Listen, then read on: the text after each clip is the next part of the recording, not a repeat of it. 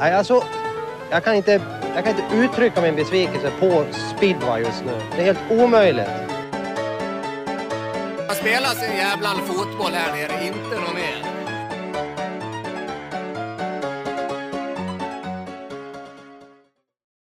Känner er varmt välkomna till ett nytt avsnitt av Circus Speedway. Det är avsnitt fyra i ordningen och äntligen så är vi tillbaka. Men innan vi drar igång podden så ska vi naturligtvis lyfta fram våra samarbetspartners som är Max 500 Medieproduktion och fotograf Erik Kruse. Sen vill jag dessutom göra ett slag för att vi finns på Patreon och man kan dessutom nu stötta podden via Swish.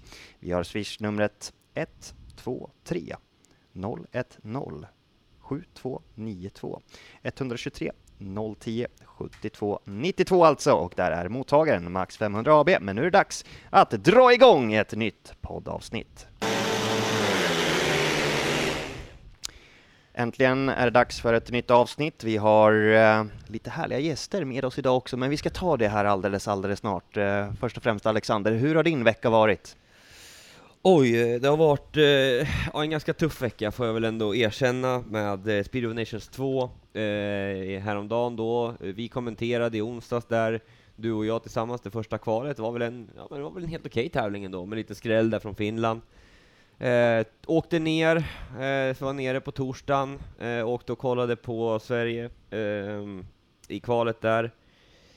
Hade en sjukt bra känsla inför fredag. Eh, alla vet väl hur det gick, det gick åt skogen, vi var inte riktigt där. Behöver absolut eh, tuffa till oss och eh, förbättra våra starter. Eh, det är väl kort man kan säga om det. Och sen så, ja, hela vägen i bilen hem på natten och kommentera finalen med dig Johannes. Och nu börjar man bli lite sliten, jag vet inte om det är sviterna från det, men eh, ja, veckan har väl varit, det kunde varit bättre så att säga, förutom att man har fått sitta jämte dig och snacka skit på ITV. Tack Alexander, men en som har njutit på den öländska playan, det är ju Ricky Kling, eh, solbränd mer än vanligt och käkat mycket glass. Ja, nej, det är semestertiden, går mot ett... Ja, precis, Mogges mjukglass där. nej, det är semester, det ska ju vara härligt säger de, men du vet fan, var smålänning och ha vara på semester. Det är inte, det är inte helt lätt. Är det, inte. det har ju varit soligt och så här. Men det, ungarna gapar efter glass. Glasspriser liksom 30 spänn för en liten uh, isglass på stranden. Det, det, är ju det är inte semester, det är Guantanamo-beteende tycker jag. Men uh, vädret har varit bra och sådär. Men man, man, får ju passa sig för sina fällor och, och sådär. Men som smålänning och semester så ja, det, det är tuffare än vad man tror.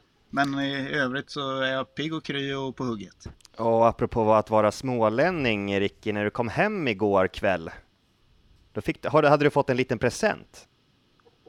Ja, vi sitter här nu från, eh, med en mikrofon. Förhoppningsvis låter det lite bättre än vad det brukar. Småländskan har vi inte hittat någon audio-tune för att ta bort, så det kommer vara som det är. Men lite klarare, lite krispigare och det, det sitter klistermärke på, på mikrofonen här. Metanolpodden står på den, så tack så himla mycket grabbar. Ja, det ska vi tacka Anders Henriksson som faktiskt skickade ja, över sin eh, gamla mikrofon för att eh, se till att eh, det låter bättre för Ike och det är vi väldigt tacksamma för såklart. En, det är ska... skönt med mikrofon som kan speedway. Ja. Blir dina kunskaper ännu bättre då eller? Ja, det, det liksom läggs på moms på det kan man säga. Ungefär. Det blir, ja, precis. Det jag kan och lite till liksom. Den, den rättar mig. vi ska ta oss lite kring eh, den övriga veckan och jag tänkte väl att vi börjar med eh, Speed of Nations eh, innan vi ska ta oss lite kort där på Speed of Nations 2. Men om vi börjar först och främst kring dig då Ricky som har sett en del av tävlingarna. Jag ska erkänna att mitt huvud är helt blankt efter Speed of Nations. Det blev fyra väldigt intensiva dagar, sen hade jag två andra sändningar den veckan också, så det har blivit att man stängde ner det ganska mycket. Så det är mest bara solklara reflektioner jag har. Är det någonting som du känner från eh, den veckan vi hade i Vojens. Ja, ja, men det börjar ju där i kval nummer ett och det, det är precis det där man vill ha i Speedway Nations. Finland liksom klipper till ett par bra, riktigt bra prestationer och är med i absoluta toppen.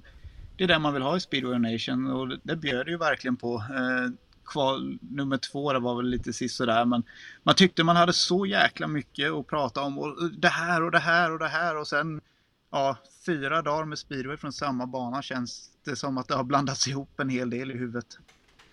Ja men verkligen, jag och Alex satt ju där på onsdagskvällen och sen har jag det här färskt... Var helt lyrisk över Finland! jag har så här färskt i huvudet kvar med Go Sweden Go. Sen hade Alex fått ett meddelande som stod, visa mig när jag var on air, bara Go Finland Go! Så jag var verkligen tvungen att hålla upp det resonemanget innan jag fick muta mig och skratta lite. Det var verkligen nära på att bli satt på pottan där. Men någonting som du känner från Speed of Nations-veckan, det har varit intensivt för dig också, och det är väl mest kanske prestationsmässigt man kan ta, och sen är det väl kanske onsdagen som jag känner sticker ut, som kanske var med bäst speedway? Ja, det får jag väl ändå säga. Banan, jag måste ändå säga att den höll inte riktigt i alla dagar, skulle jag säga. Alltså, den här, vi måste säga att första tävlingen var bäst. Eh, sen blev det sämre och sämre. Visst, det regnade lite grann, men... Eh, ah! Fan, vi måste kunna få till, eh, få till det bättre när så här fina, eh, fint startfält, tycker jag. Eh, det blir väldigt svårt att åka om, och det har vi såklart också med att det är lite tajt och trångt. Eh, och eh, ja, någonstans behöver man väl kanske jag vet inte om det hade varit någon skillnad i Esbjerg, men eh, ja, spontant så var det absolut första tävlingen som var bäst och sen såklart också att Sverige tog ett brons, så det får vi väl också lyfta upp såklart. Sometimes maybe good, sometimes maybe shit. Nej, men vi var inne på det veckan innan där att eh, ja, de har ju bytt från ESP. Det hade ju varit kul med ett miljöombyte. Vojens, ja nej den här den är lite tight. Jag vet inte liksom om, om maskiner och det, det är lite för snabbt då, men man ser dem, de får med sig fart på yttern i ena svängen, sen är nästa, sen är de på väg och ska bygga upp, ja, då blir de blockade på rakan och får liksom inte plats två i bredd in i sväng riktigt. Den ser lite flack ut. Inte så mycket material på yttern och ja, nej, det, det, var, det var svårt för killarna att göra någonting. Och det, det hade varit kul att se vad Esbjerg hade haft att bjuda, med, eh, bjuda på. Vi har, ju, vi har ju faktiskt sett Vojens ett antal gånger nu.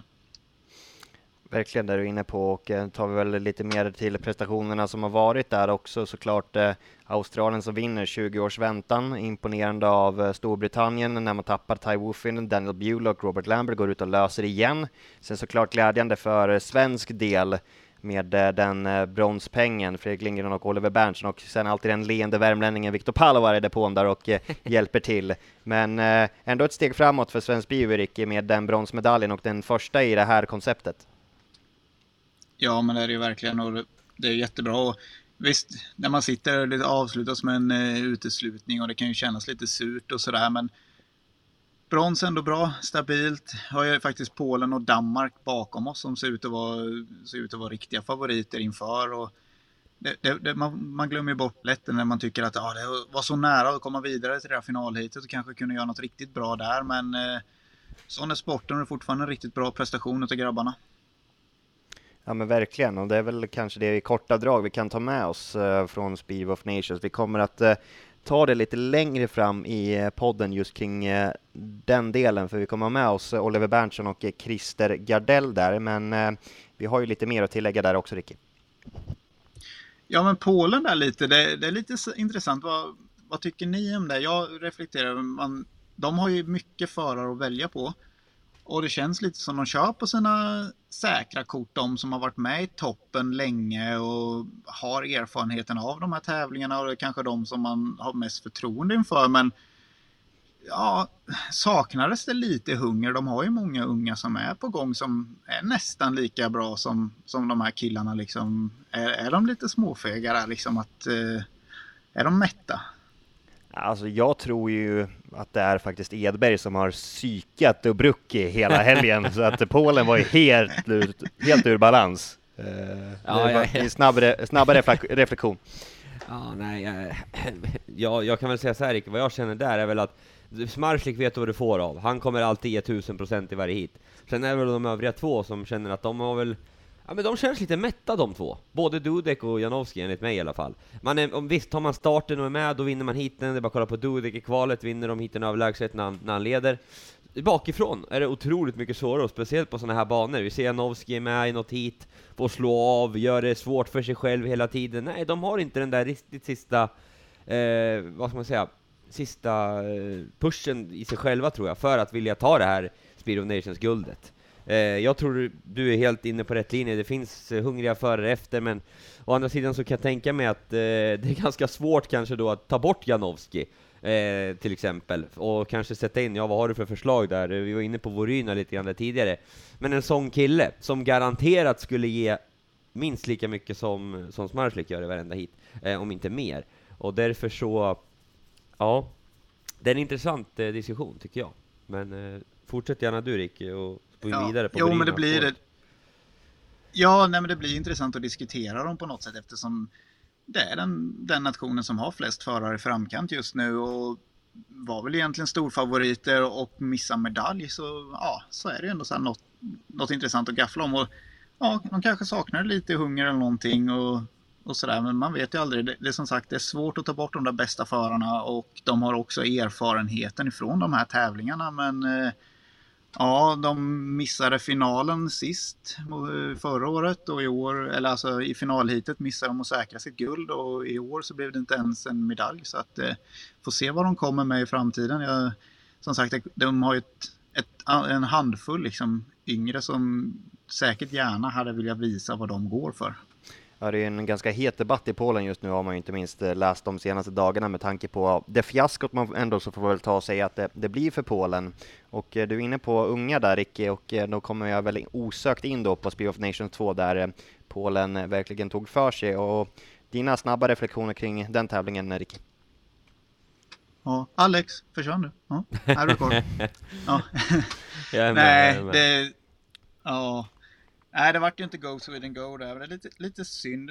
De har ju ett par år kvar, juniorkillarna, så här, och det, det kändes som de fick liksom inte riktigt till det när det väl gällde. Och ju längre tävlingen gick så, så tyckte jag man kunde se så lite osäkerhet liksom. Att de, ja, de visste, om det var att de inte visste om de skulle sätta upp cyklarna, vilka åkspår de skulle ta och, och sådana där saker. Men det är nog lite erfarenhet och man vill ju väldigt mycket i en sån där final. Så att eh, ja, man hade väl önskat på lite mer men eh, de är ju där och nosar liksom och de tog sig till final så att vi får hoppas på mer i framtiden.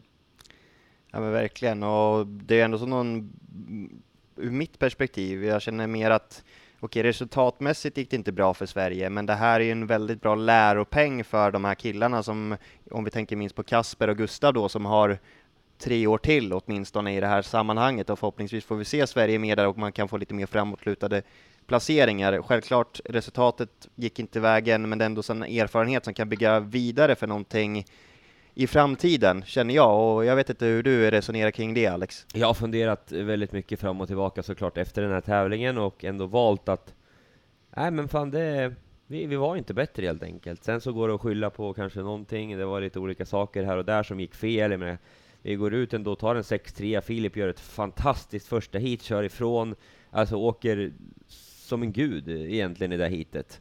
Eh, kommer ut nästa hit, han och Gustav har ett bra läge mot tjeckerna, eh, skulle nästan kunna haft en 7-2 ut i första sväng, Kop kopplingen brinner för Filip. Jag menar det är så här små grejer som hela tiden var. Jag kände dock hela tiden under tävlingen att eh, att vi, vi ska slå Australien. För att det är ju så att nu kommer vi inte få köra eh, lag-VM nästa år, eller eh, sån 2 nästa år för Sverige, eh, om de inte ändrar lite regler och grejer som det pratas om. Vi får se vad som händer. Men såklart är det en miss, eh, samtidigt som jag valt att se det lite grann så här att som du var inne på Johannes, Kasper och Gurra är 18 år, eh, Filip 19. De kommer vara kvar när vi sen igen kommer få kliva in i eh, Speed of Nations. Eh, de här tre, så att de har absolut fått en erfarenhet och eh, eh, det är det de tre som står på startlinjen där då, så ja, då kan det bära långt för oss, förhoppningsvis. Men eh, man har haft mycket tankar, reflektioner, vad kunde man ha gjort annorlunda och ja, det, det är svårt. Man eh, behöver up sitt game, eh, även jag och eh, Sundström här på sidan av som ja, kanske borde förmedlat vissa saker bättre och så men ja, vi var inte tillräckligt bra helt enkelt som lag och då, då gick det inte. Ja, nej men det är lite synd där och det, det är så lite konstigt när man sitter och kollar på tävlingen. Det ser så här helt okej okay ut och sen när man såg en sammanställning på poängen bara oj är det så där tufft ungefär. Så att det vart ju också lite missvisande. Det känns som att vi inte fick med de poäng, liksom, de förtjänar några poäng till här och där liksom än vad, än vad, än vad resultatet blev så det är lite synd. Men ja, sånt där är ju livet liksom och det, det kommer ju en ny dag dagen efter igen, som tur är. Ja, ja precis. Och det fick vi faktiskt, måste jag ändå ge en eloge till Rickard som var framme efter och Ja, en del också under tävlingen, men under, efter tävlingen också var framme och gav grabbarna lite stöd och det måste jag ändå säga, det är stort av honom. Han ändå, visst att han är svensk, men han är där och jobbar lite grann för Discovery och, och måste ändå lyfta fram att han han tog sig tiden att eh, stötta upp våra grabbar som eh, såklart var väldigt besvikna efter tävlingen.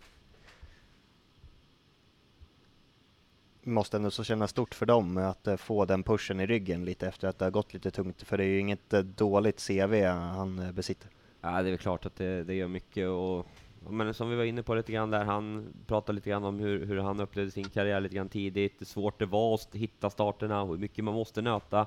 Och det är ju faktiskt så. Eh, ingen blir ju stjärna över en dag helt enkelt, utan vi, vi kommer behöva slita på vidare. Ja, men det är mycket starterna där och det var egentligen många, det var ju, det var lite ojämnt kändes det som att eh, en del flög iväg och även i de andra nationerna med. Och man ser en sån där som Bengs liksom, när, han kommer i täten, det går ju riktigt fort alltså. Och är så dynamisk och åker så bra, så mycket motorcykelkänsla i sig. Liksom, får han till de första 30 meterna liksom hyfsat bra varje hit, då, då, då finns det ju hur mycket potential som helst där. Ja men verkligen. Vi eh, ska släppa Speed of Nations och Speed of Nations 2. Vi är ju mitt inne i en vecka med Bauhausligan. Vi har tre matcher under gårdagen och eh, idag onsdag som vi spelar in så kan vi konstatera att det väntar en match imorgon mellan Smederna och Västervik. Och eh, vi ska väl försöka dra det där i ja, lite snabbt tempo rent generellt, men vi kan ju i alla fall notera att det blev segrar för Indianerna, det blev eh, och Västervik och inte minst Smederna då under gårdagen. Om vi börjar snabbt i Motala så kan vi väl bara konstatera att det inte var så mycket snack om saken. Eh, kan jag, i alla fall jag känna som var där och, och kommentera. Eh, du Alexander? Ja, nej, helt klart. Jag såg några hit i inledningen där bara och ja, sen kändes det som att det var avgjort samtidigt som också speedwayen bjöd väl inte på sin bästa sida där och ja, jag faktiskt valde att stänga av och byta match, kolla lite grann från eh, från de andra matcherna. Eh, men eh, ja, samtidigt som jag knappt såg mer än 6-7 hit totalt kanske under gårdagen. Så mig, jag är nog fel person att eh, fråga. Jag vet inte Rickard, har du någon spaning där från igår? Nej, jag har bara sett lite strö hit och sådär faktiskt från igår. Vi ja, rörde oss hemåt och lite var på, var på resande fot där. Men eh, nej, stora siffror och vad man har hört så var det ju inte det mest underhållande. Men så där är det ibland. Smedarna tuffar på. Det, de kommer ju ha han kommer ju vara med i år igen där liksom. Det visar de ju helt klart. Och sen ett eh, Indianerna som vann på hemmaplan mot Rospiggarna. Regnet ställde till ett spratt där, men man lyckades ju till slut eh, köra klart tävlingen där. Snabb reflektion är väl nog att eh, Indianerna bör väl ha säkrat sin eh, slutspelsplats i och med eh, den trepoängaren man fick med sig mot, mot eh, Rospiggarna, Alex. Ja men det stämmer och ändå bra att de får till tävling. Jag såg de var ute, jag såg faktiskt det hitet, hit 8 som de valde att stryka sladdpausen och försöka köra hit 8, då hände en olycka där. Svårt att se också på, på en liten iPhone hur, hur illa det ser ut på banan och sådär, men det såg ju onekligen lite tufft ut och eh, Kevin Juhl Pedersen gick omkull och blev överkörd av Korstru, Korstru, som man nu säger på polska. Men eh, vi ska inte prata uttal, men eh, Eh, det var helt klart bra att de fortsatte tävlingen tycker jag. Jag såg även första heatet efter. Visst, det såg inte jättekul ut kanske speedwaymässigt, men eh, ja, tävlingen är genomförd och eh, indianerna ja, vann matchen. De många ju på där. Granen hade ju studsat tillbaks där och ja, kanske är lite, lite erfarenhet att få byta lite grus ner i Vojens liksom. Tagga till och få med sig erfarenhet där. Men han gör ju en kanonmatch. Vart det 8 plus 1 eller något sånt där va? Ja, det, det, man, det hur ofta vinner man en start och för, nästan först före alla in i första sväng från bana 4?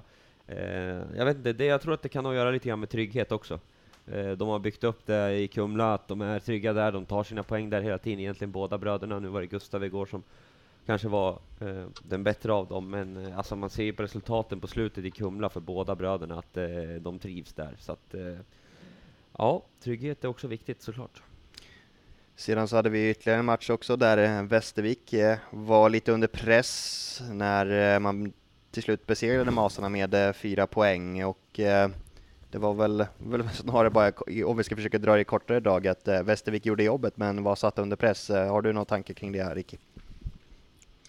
Nej, men det är ju Masarna, det är, de har inte så många lagpoäng men det, de har gjort många bra matcher och pressat många lag väldigt bra uppe i Avesta. Så att jag tycker det är en matchbild liksom, som speglar lite hur säsongen har sett ut för dem. Att de, de är med och pushar och sliter och sen så räcker det inte riktigt till hela vägen. Och så där är det ibland. Men eh, ja, nej, men det var en matchbild som speglade säsongen tycker jag.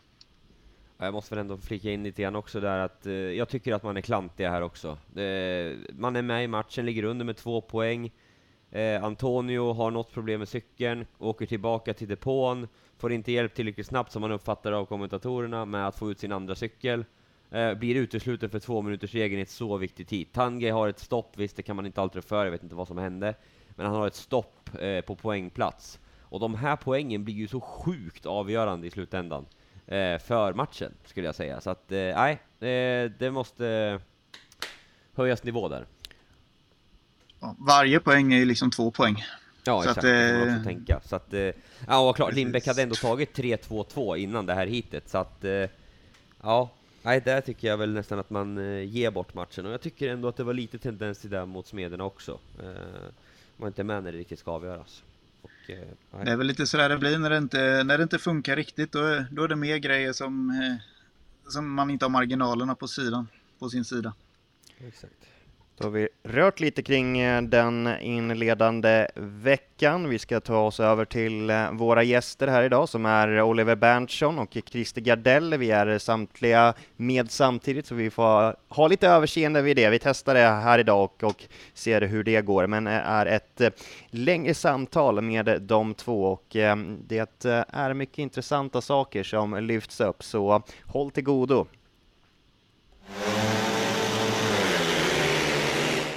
Ska ta oss vidare här i Cirkus Speedway och eh, vi har med oss eh, två gäster här idag. Oliver Bernt som var med och tog en bronsmedalj hos Speed of Nations och även svensk individuell mästare och även domaren Christer Gardell har lagt ner sin internationella karriär men är i full fart i Bauhausligan. Och vi börjar först och främst med dig Oliver och vi tar från den gångna helgen. Vad känns dina reflektioner? Vad har du för tankar efter att allt har lagt sig lite? Ja, hej förresten allihopa. Eh, självklart, eh, ja, så är det ju en eh, framgång ändå måste jag ju säga nu när det har lagt sig lite. Eh, Sveriges första medalj i Speed of Nations eh, sen, det, sen de började med det och eh, ja, bra tävlingar för mig som sagt så att eh, det är klart det är en framgång för både mig och för eh, landslaget. Vi kommer strax tillbaka till dig Oliver, vi ska såklart ta med Christer in i bilden också och eh, om vi inleder där med Speed of Nations, eh, du som har sett det mesta hemifrån kan jag tänka mig, nej du var faktiskt på semester tror jag, men du har väl sett en hel del kan jag tänka mig. Vad har du för reflektioner kring den veckan som vi hade? Ja, hej först och främst. Eh, jo, nej men jag tyckte det var en måste ha varit en bra vecka för även för arrangören och även för det svenska laget givetvis.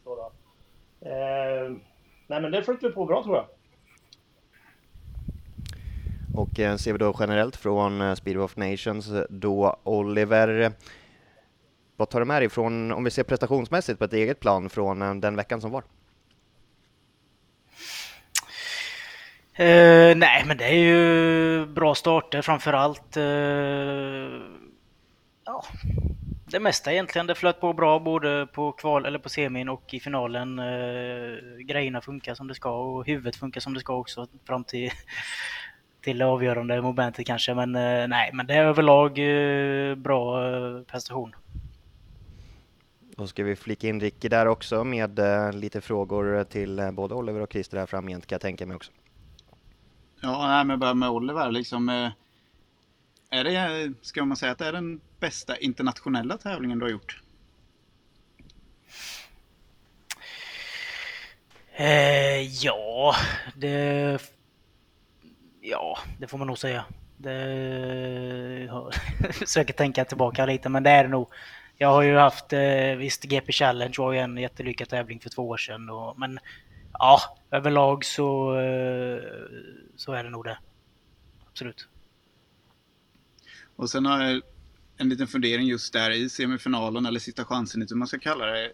Lite nyfiken, när man sitter och ser på TVn så såg det ut som att Fredrik eh, försökte stänga ner Frick där få ner farten på han. Är det någonting du hinner uppsnappa liksom i fart eh, i hitet? Det är lite svårare med en hjälm på i 100 km in i sväng och se att han försöker bromsa upp lite men en tv-bild 50 meter över banan så såg det ut som att han försökte få ner farten. Eh, ja, det gjorde han ju. Det ser man ju väldigt tydligt och det har jag ju sett efteråt också. Men just under hitet där så eh, var det inget jag hann snappa upp riktigt.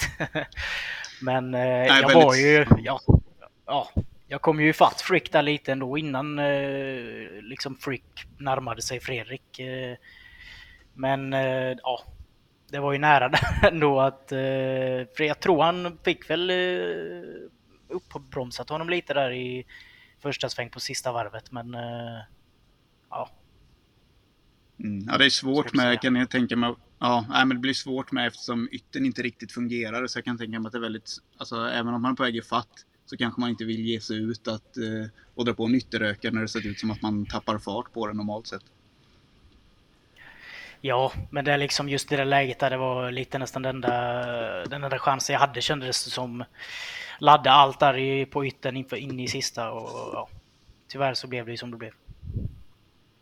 Jag har en liten fråga till Christer där gällande just den grejen här. Det här formatet eh, gör ju att en, en klassisk 3-3,2 3 är ju eh, mer värt än egentligen att vinna hitet. Eh, och eh, då är en fråga lite grann där till dig. Eh, många diskuterar, har jag sett där, farlig körning. Eh, en sån här typ kan ju ändå, ändå tolkas lite grann som en farlig körning. Är det någonting du kan kommentera där, Christer?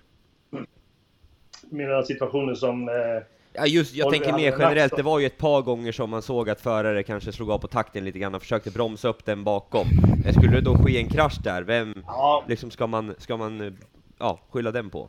Nej, men det, den diskussionen vi har haft eh, inom FIM då, då eh, vi har inte det här varningssystemet som vi har i ligorna, man säger då farlig körning, uteslutning och grejer, men det, då går man in och tar ett beslut direkt gör man i sådana fall. Och, Visst, vi har pratat om det. Vi hade väl några år, något år sedan eller ett par år sedan, det var riktiga sådana här Hallabadula.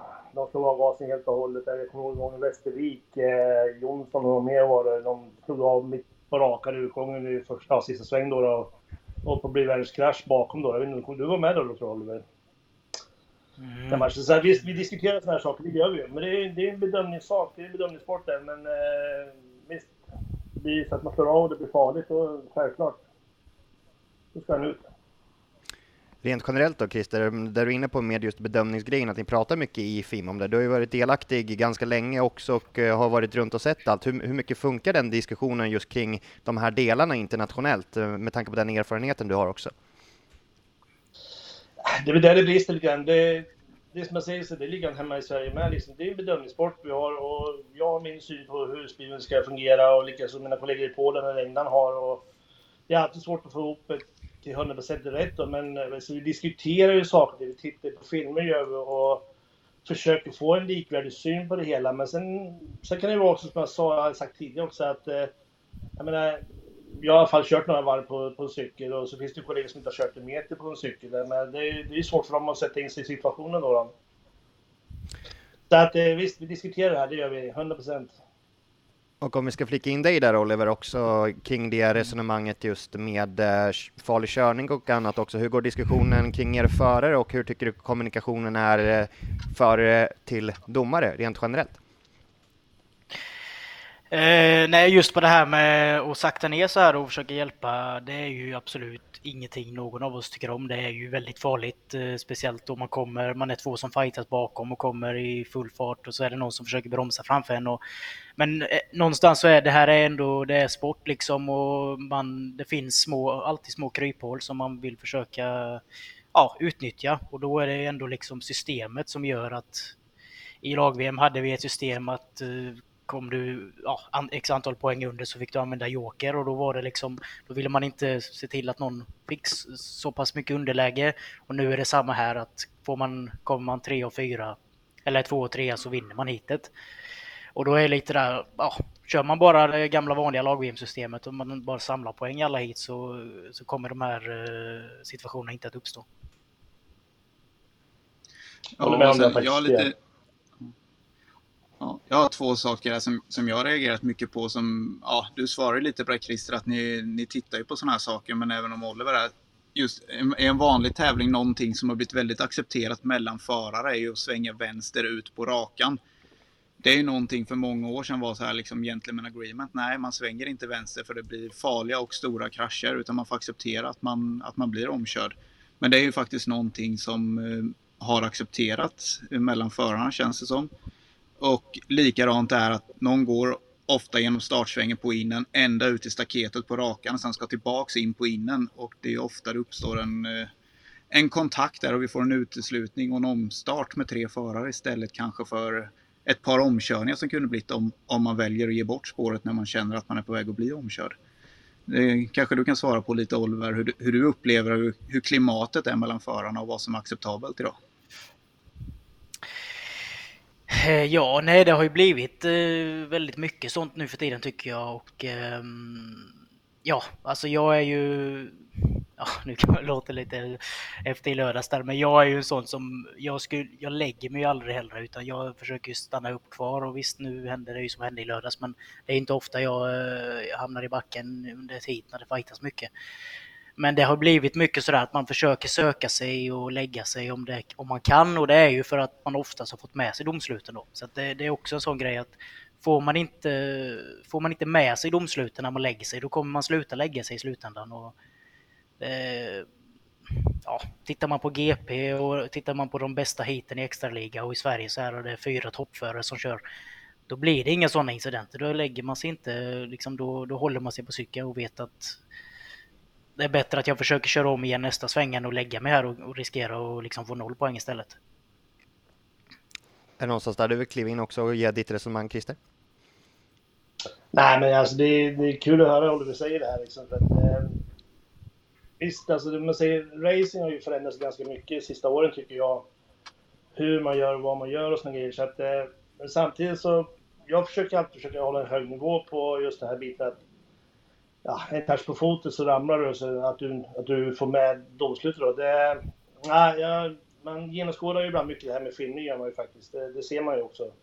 Men Sen finns det ju situationer som startar alltså. Liksom, ibland får man ju backa liksom 10, 15, 20 meter på banan och se vad är det som skapar den här situationen också. Det är inte bara just det här läget när de träffas då. Varför det här blir kontakten då så att säga. Liksom. Så att, eh, nej men alltså, vi, vi pratar ju om det här lite, det gör vi också att, att det börjar filmas lite mer och, och eh, lite mer fotbollsstyrk ibland gör det faktiskt. Eh, och, alltså det, det blir väl så här att så fort de rör någon så oj, han ramlar och så är den som orsakar det här utslutet. Men att eh, det är någonting som vi pratar om i alla fall, det kan jag säga. Så att det blir ju tuffare och tuffare att ta de här besluten. Men att det är ingen fotboll vi håller på med heller. Det man filmar till sig, utan här är racing vi ska hålla på med. Och just att du har haft en aktiv spiokarriär också Christer och varit eh, inne på banan också och kan se det ur ett annat perspektiv också. Hur mycket tycker du att det är fördelaktigt för dig när du ska döma och se de här situationerna som kan vara ganska svåra när det kan vara att man vill kanske ta samtliga tillbaka men det är lite svårt att eh, ta bort någon. Vi hade till exempel i Warszawa om du minns den situationen med Mikkel Mikkelsen och Leon Madsen. En eh, tight situation där som det, det kan nog varit lite svårt för dig att kanske bedöma den, men du fick se på den ett antal gånger. Men om vi bara ser just aktiva och in till sådana situationer.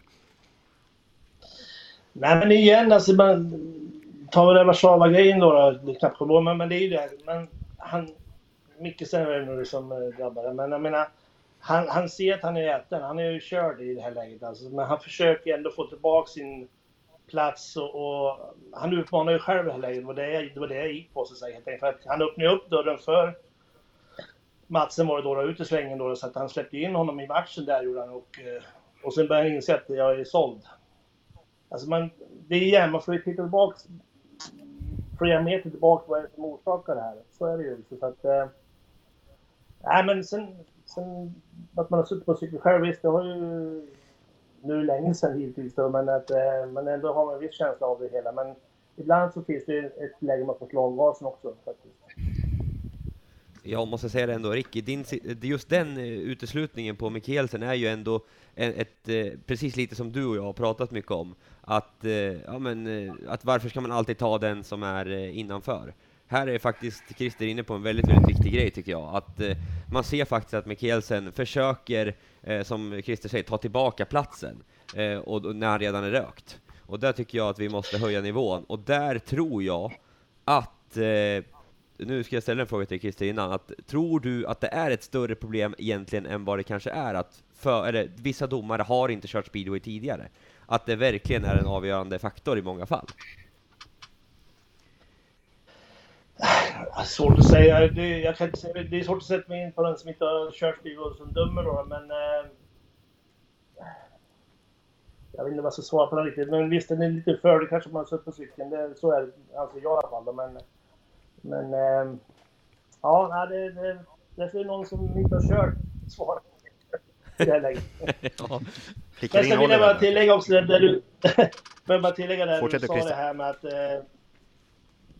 jag vill bara tillägga det här som du pratade mm. om, det här med att du kommer bakifrån och kör om då, att, att man touchar och han blir alltid utesluten. Men alltså, förr har det alltid varit sådana regler, kommer du bakifrån och kör om, det är ditt ansvar att göra en säker omkörning ja. också. Ja, absolut. Men, som sagt, nu börjar det ändras det här, där man söker upp varandra som är rökt i det här läget då. då.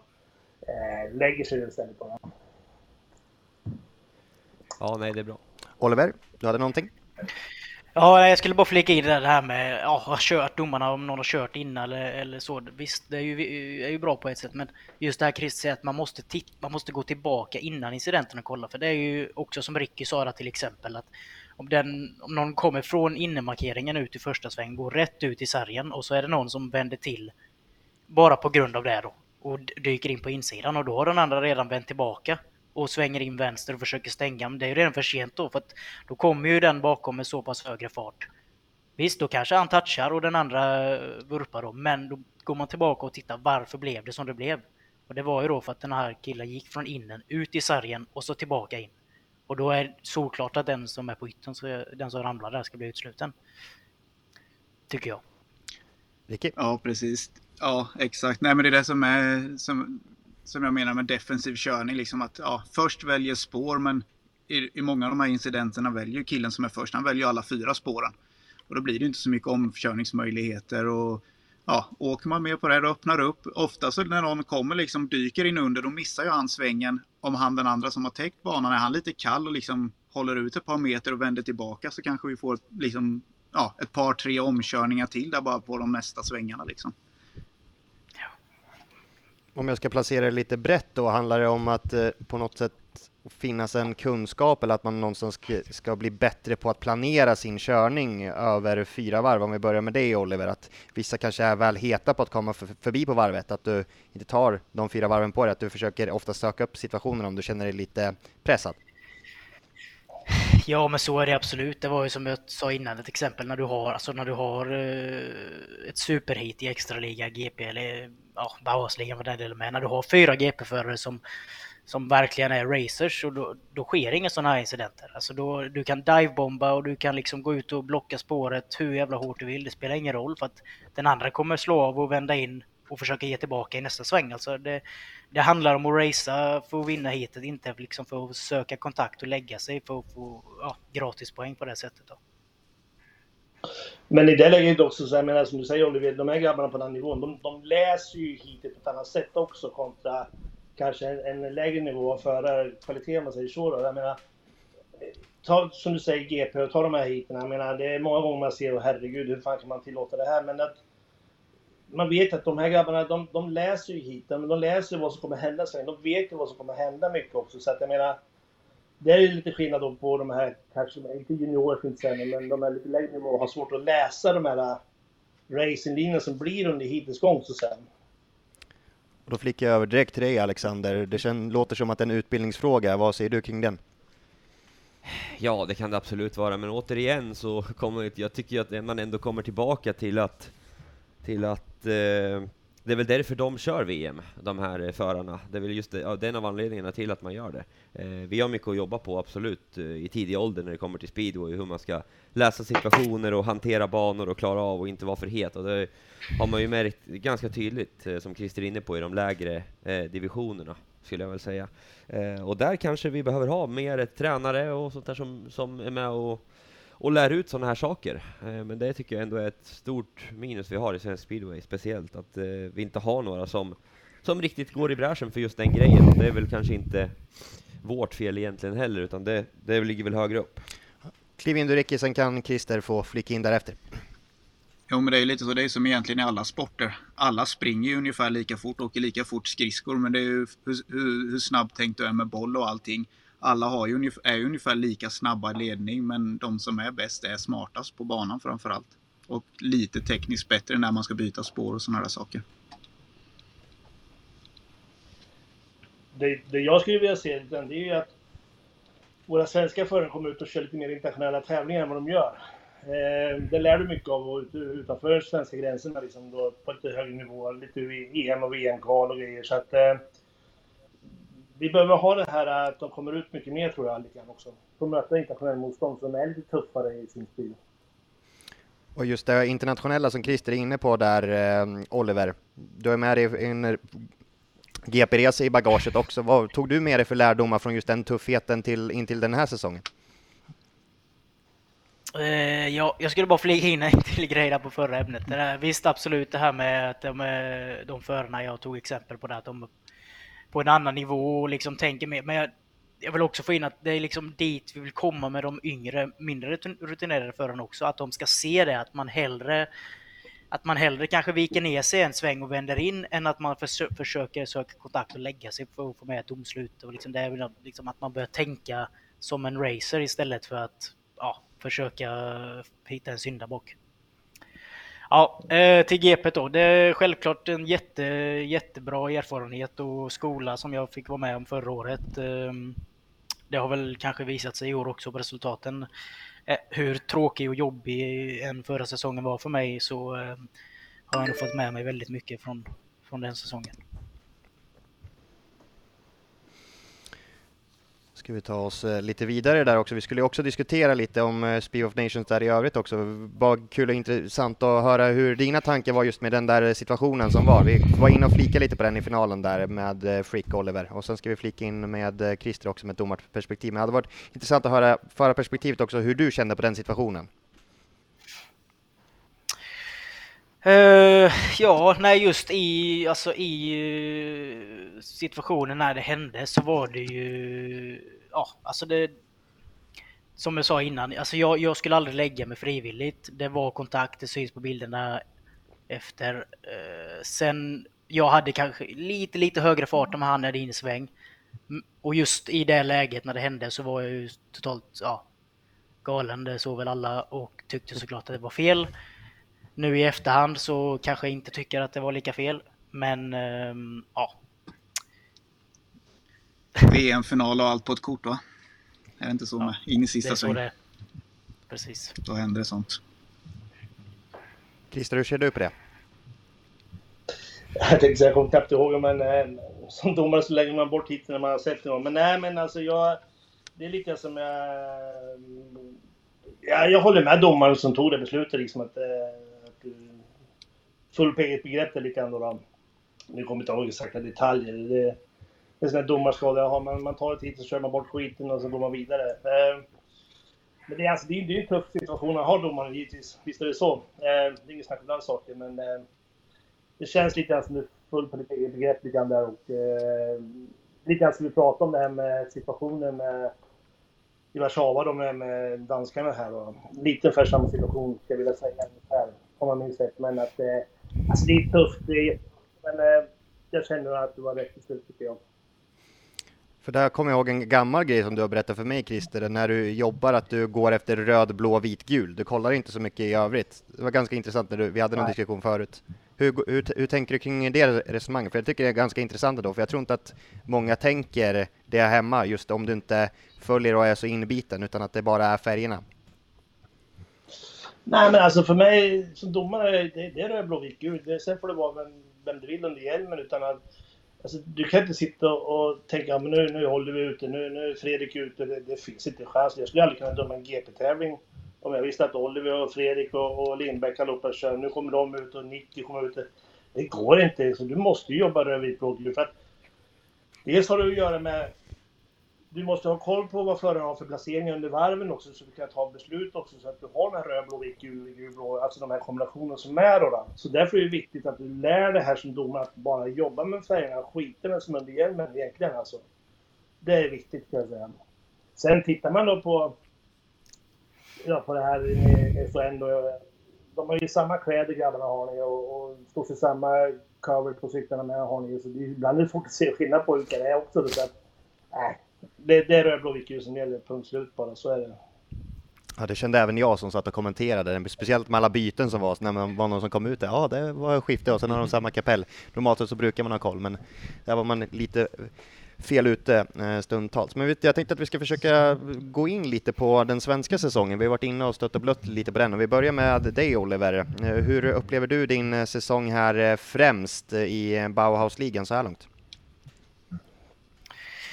Uh, nej, det har ju varit bra. Alltså jag har ju haft, har haft en, en lite halv, uh, ja, halvsämre tävling kanske och det var ju Målilla borta där men ja, det, överlag har det varit kanon, eh, kanonsäsong för mig uh, i Sverige så att det är ja, inte så mycket att säga om. Och för dig som dömer Bauhausligan, Christer, hur upplever du det från domarboxen om vi får se det så? Jag stod ju över dig igår i regnrusket i Motala. Ja, men alltså generellt har vi, jag tycker man säger så här, förarna har till sig på något sätt. Det är bra samarbete med förarna och men något problem som vi dras med det är lite väderförhållanden och samt att vi har lite för dåliga banor just nu i Sverige tycker jag då. Det är väl det som fokusen tycker tar ifrån racingbiten så att säga. Det är mycket fokus på banorna och alltihopa. Men övrigt så tycker jag det är jättebra med förarna, bra kommunikation Igår exempel, vi körde i stort sett en längdtävling gjorde vi igår och jättebra kommunikation med lagkaptenerna och vi rullar på. Men banan var ju ganska jobbig. Så att, eh, nej men jag tycker det generellt har det varit ganska bra. Oliver? Ja, när vi ändå är inne på det här med att banorna har varit lite halvdåliga i år i Sverige och är det, pratas det något om det? Ska det, om det blir någon ändring, alltså vill man få till någon ändring, någon kontrollant, liksom sätta någon sorts regel? Hur mycket får man göra, hur mycket får man harva liksom? Har det börjat prata någonting om det eller liksom, eh, ja, låter man det bara vara och klubbarna får sköta sitt? Christer? Jag kan svara på det. det är, I och med att jag sitter med den här gruppen också, så det är stora diskussioner där, hur vi ska göra, vad vi ska göra. Eh, vi har även ISS då som en eh, samarbetspartner vad gäller med regler och alltihopa då. Och, eh, vi tycker också att det här ligger redan på ESS då, att ta det med sina klubbar liksom att bjuda framförallt publiken och föraren på en säker bana, men publiken på en bra skriver då. Så att, eh, jag menar, vi som domare, vi går bara in och, och avbryter en tävling när det är riktigt farligt liksom. Då, då, då är det färdigt alltså. Men eh, börja en tävling med dålig bana. Jag menar, vi kommer dit klockan fem senast, alltså två timmar före start ärligt talat, vad fan ska vi kunna göra? Vi kan ju inte ändra på någonting i banan då i det läget. Så att... Eh, jag är rädd för att vi kommer hamna i samma läge som Polen, att vi får ha en sån här baninspektör då, som är där hela dagen på morgonen. Från morgon till kvällen då. då. Och det tror inte jag klubbarna vill egentligen. För det första blir det en kostnad för klubbarna också blir det. Så att... Eh, så därför menar vi på lite också att här är, är ju en ESS-grej också, att de verkligen får ta den diskussionen med klubbarna. Vi hade några år sedan hade vi då, det var speciellt när vi höll på mycket med ljuddämpare, att eh, banorna skulle vara lika och de skulle vara si och så. Och, ja, det gick med två, tre matcher gjorde men sen började alla mixa med sina banor igen i alla fall då. För alla vill ju ha någon form av hemmabana då. så att, eh, svar på frågan, det är stora diskussioner just nu hur vi ska hantera det här.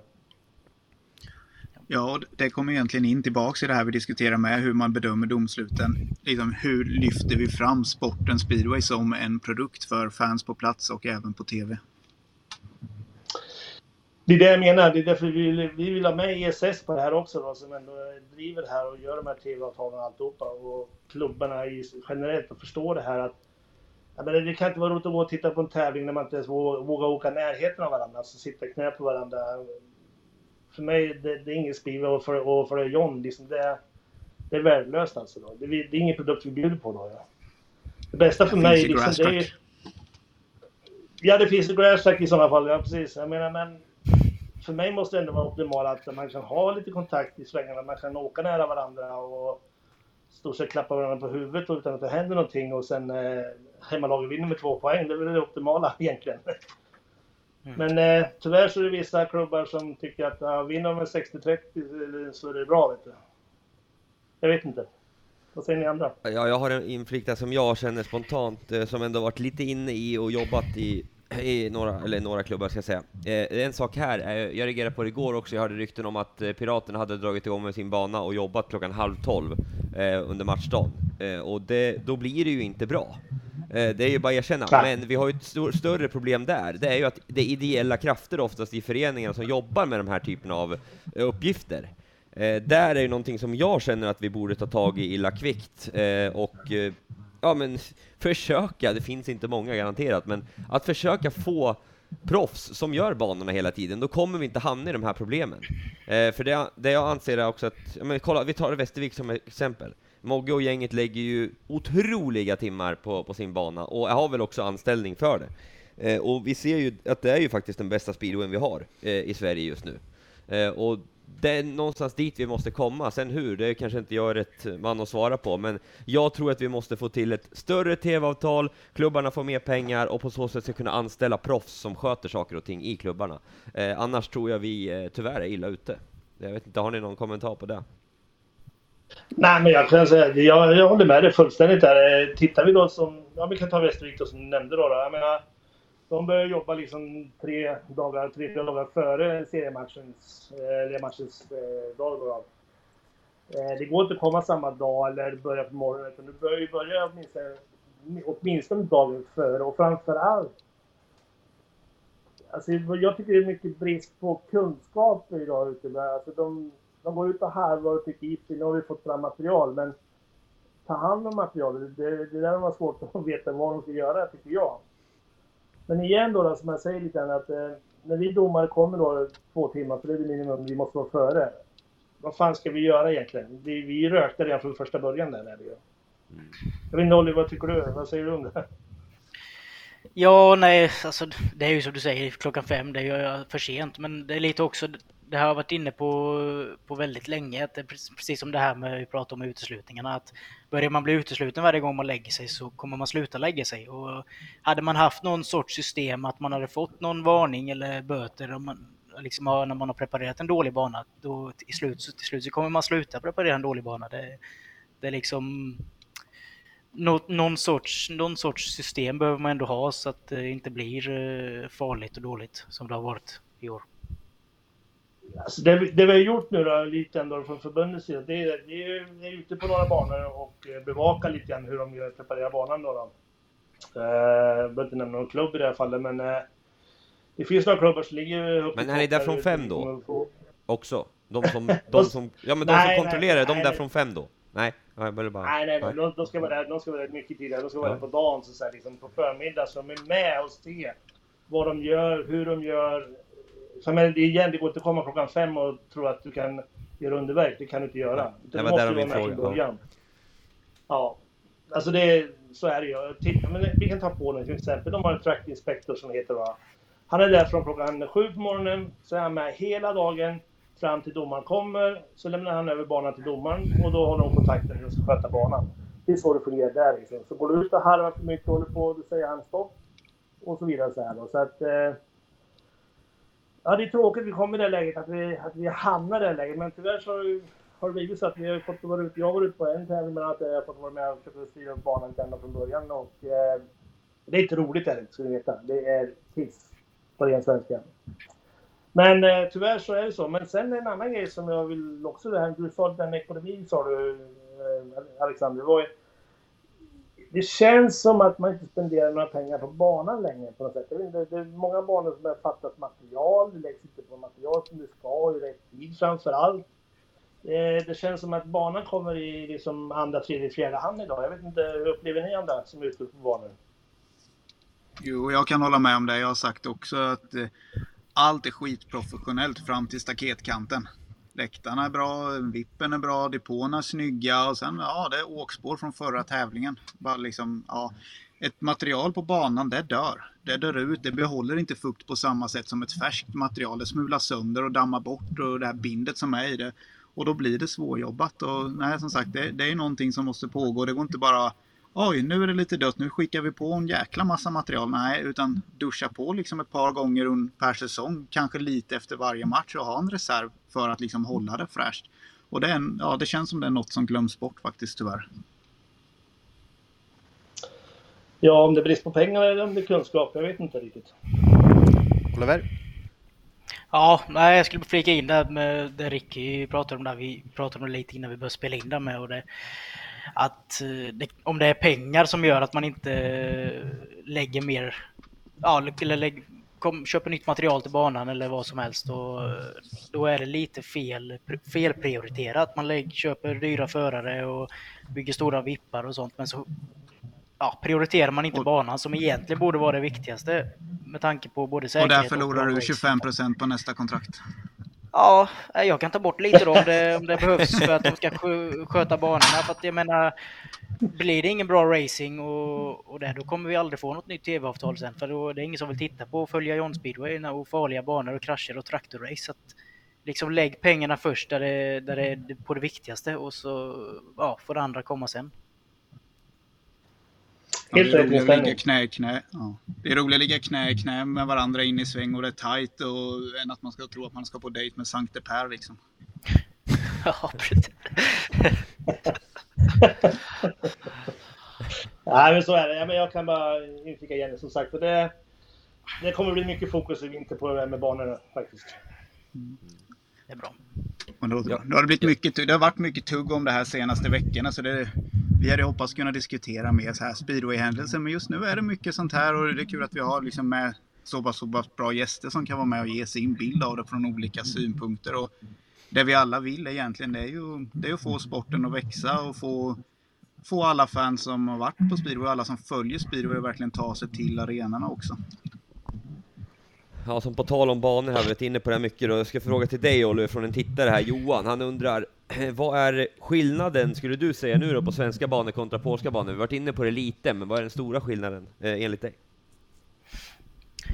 Nej, men den största skillnaden är att de får i princip inte harva, harva någonting i Polen. Alltså de får harva starten och sen får de, ja, de får vattna liksom i olika mängd och beroende på ja, den här kontrollanten då så står han står i princip och säger att nu får ni åka ut och vattna så här många varv och det och beroende på hur varmt det är och ja, allt det här. Och det är ju just därför. De, de har ju sina, sina tv-kontrakt och tv-tittare och de, de, de, har liksom lagt prio på det att det måste vara säkert, det måste vara bra racing. Liksom, och om det är det här som krävs, då är det så vi får göra.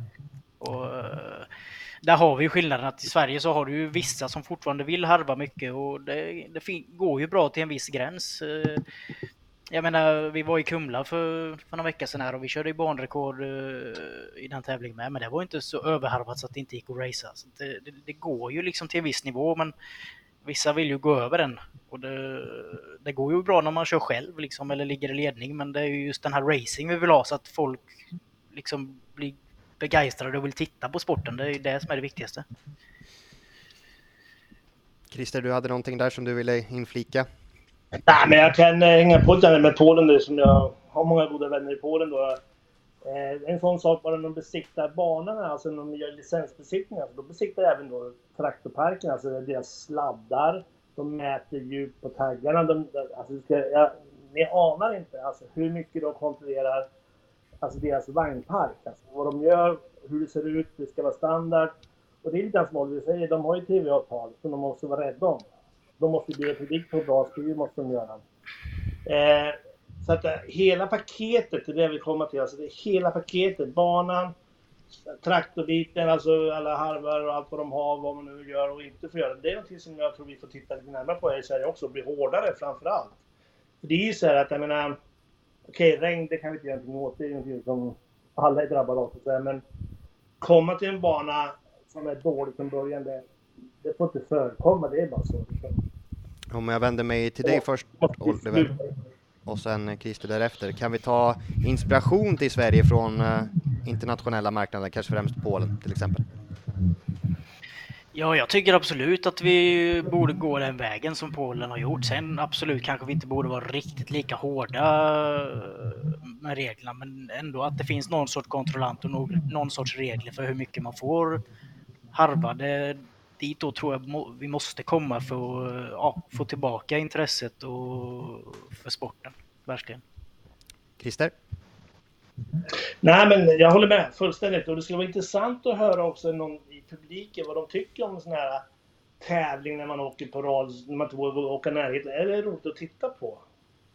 Ibland får jag känsla av att eh, oh, det är skitbra, de åker på rad bara, men herregud. Har man varit på en riktig speedway när man sitter i knä på varandra och verkligen eh, litar på varandra till 100 procent, så det är ju bland de bästa tävlingar man kan se. Det ska vara kul att Ibland är det inte antal. Nej, ibland är det inte antalet omkörningar heller utan ibland kan det bara vara tajt, att det är någon som är uppe och nosar och någon får svara och liksom lite sånt där som gör att det blir, man sitter lite och knappt andas när man kollar även om de inte kör om varandra så ja, det ligger 3-4 i stort sett jämsides och sådär. Det är ju det, är det som är mest spännande. Wow. Ja, jag tänkte ta en grej här lite som inte riktigt har med mycket banor att göra, men det är väldigt många som skickar in och undrar, Oliver, till dig här speciellt. Blir det Lejonen nästa säsong? Vi bara ställer frågan rakt ut. ja, det vet jag. Jag har ju bara kontrakt året ut, men eh, ja, om jag får gissa själv så, så blir det det. Absolut. Sen eh, vet man aldrig vad som händer i den här sporten. Eh, just nu har jag väldigt högt snitt. Vi får väl se vad jag slutar på, men ja, ja alltså Lejonen är, Lejonen är hemma för mig och det har en, Lejonen, klubben och arenan och allt har väldigt, väldigt stor plats i mitt hjärta. Så att, eh, det ska mycket till eh, att jag ska lämna. Men som sagt, man vet aldrig i den här sporten. Men annars ska du bli domare på en gång istället. Vad sa du Christer? Då kan du bli domare istället och ta ett sabbatsår så får du ner snittet. Så kan du döma ett år, sen kommer du tillbaks. Hur många domare är, finns det nu, Christer, egentligen i Sverige? Är det 12 stycken, eller stämmer den siffran? Topp 13 hade jag varit då. Ja, exakt. För jag, jag, jag gjorde ju en liten rolig grej med Björn Yngve där häromdagen när han visade sig bild där. Jag tycker själv att det var roligt. Hoppas han tog det med lite, att det var lite glimten i ögat och sa att här har vi Björn Yngve i bild, topp 12 domare i Sverige. Bara att jag hade hört den siffran någonstans. Men eh, är det många, är det, är det 12 domare eller är det fler? Alltså han utanför toppen? Nej men, nej, men jag tror vi är runt 12 stycken. Jag har faktiskt inte räknat, men vi är runt 12 stycken. Mm. Så att, eh, det var bra gissat var det. En annan, en ja, du slog ut också även det här 1, kryss 2, vilken som var på bilden, eller var det du också eller? Nej, det var Freud, det var Freud. ja, jag, jag benämnde Yngve bara som svenskt fan dag ett, sen så klev Edberg in dag två ja, istället. Lite roligt ska man ju ha i sändningarna, sitta och bara kommentera att du, vem som vinner och leder och håller på hela tiden. Nej, fan, lite krydda. Det piggade nog upp Alex. Ja, men man får väl hoppas det i alla fall. Det blir lite statiskt när man sitter där. Alla gnäller på, åh, det ska vara engelska kommentatorer, ni är värdelösa, bla bla bla. Ja, visst lyssna på engelska då. Vi kommer aldrig bli lika bra tyvärr. Så är det.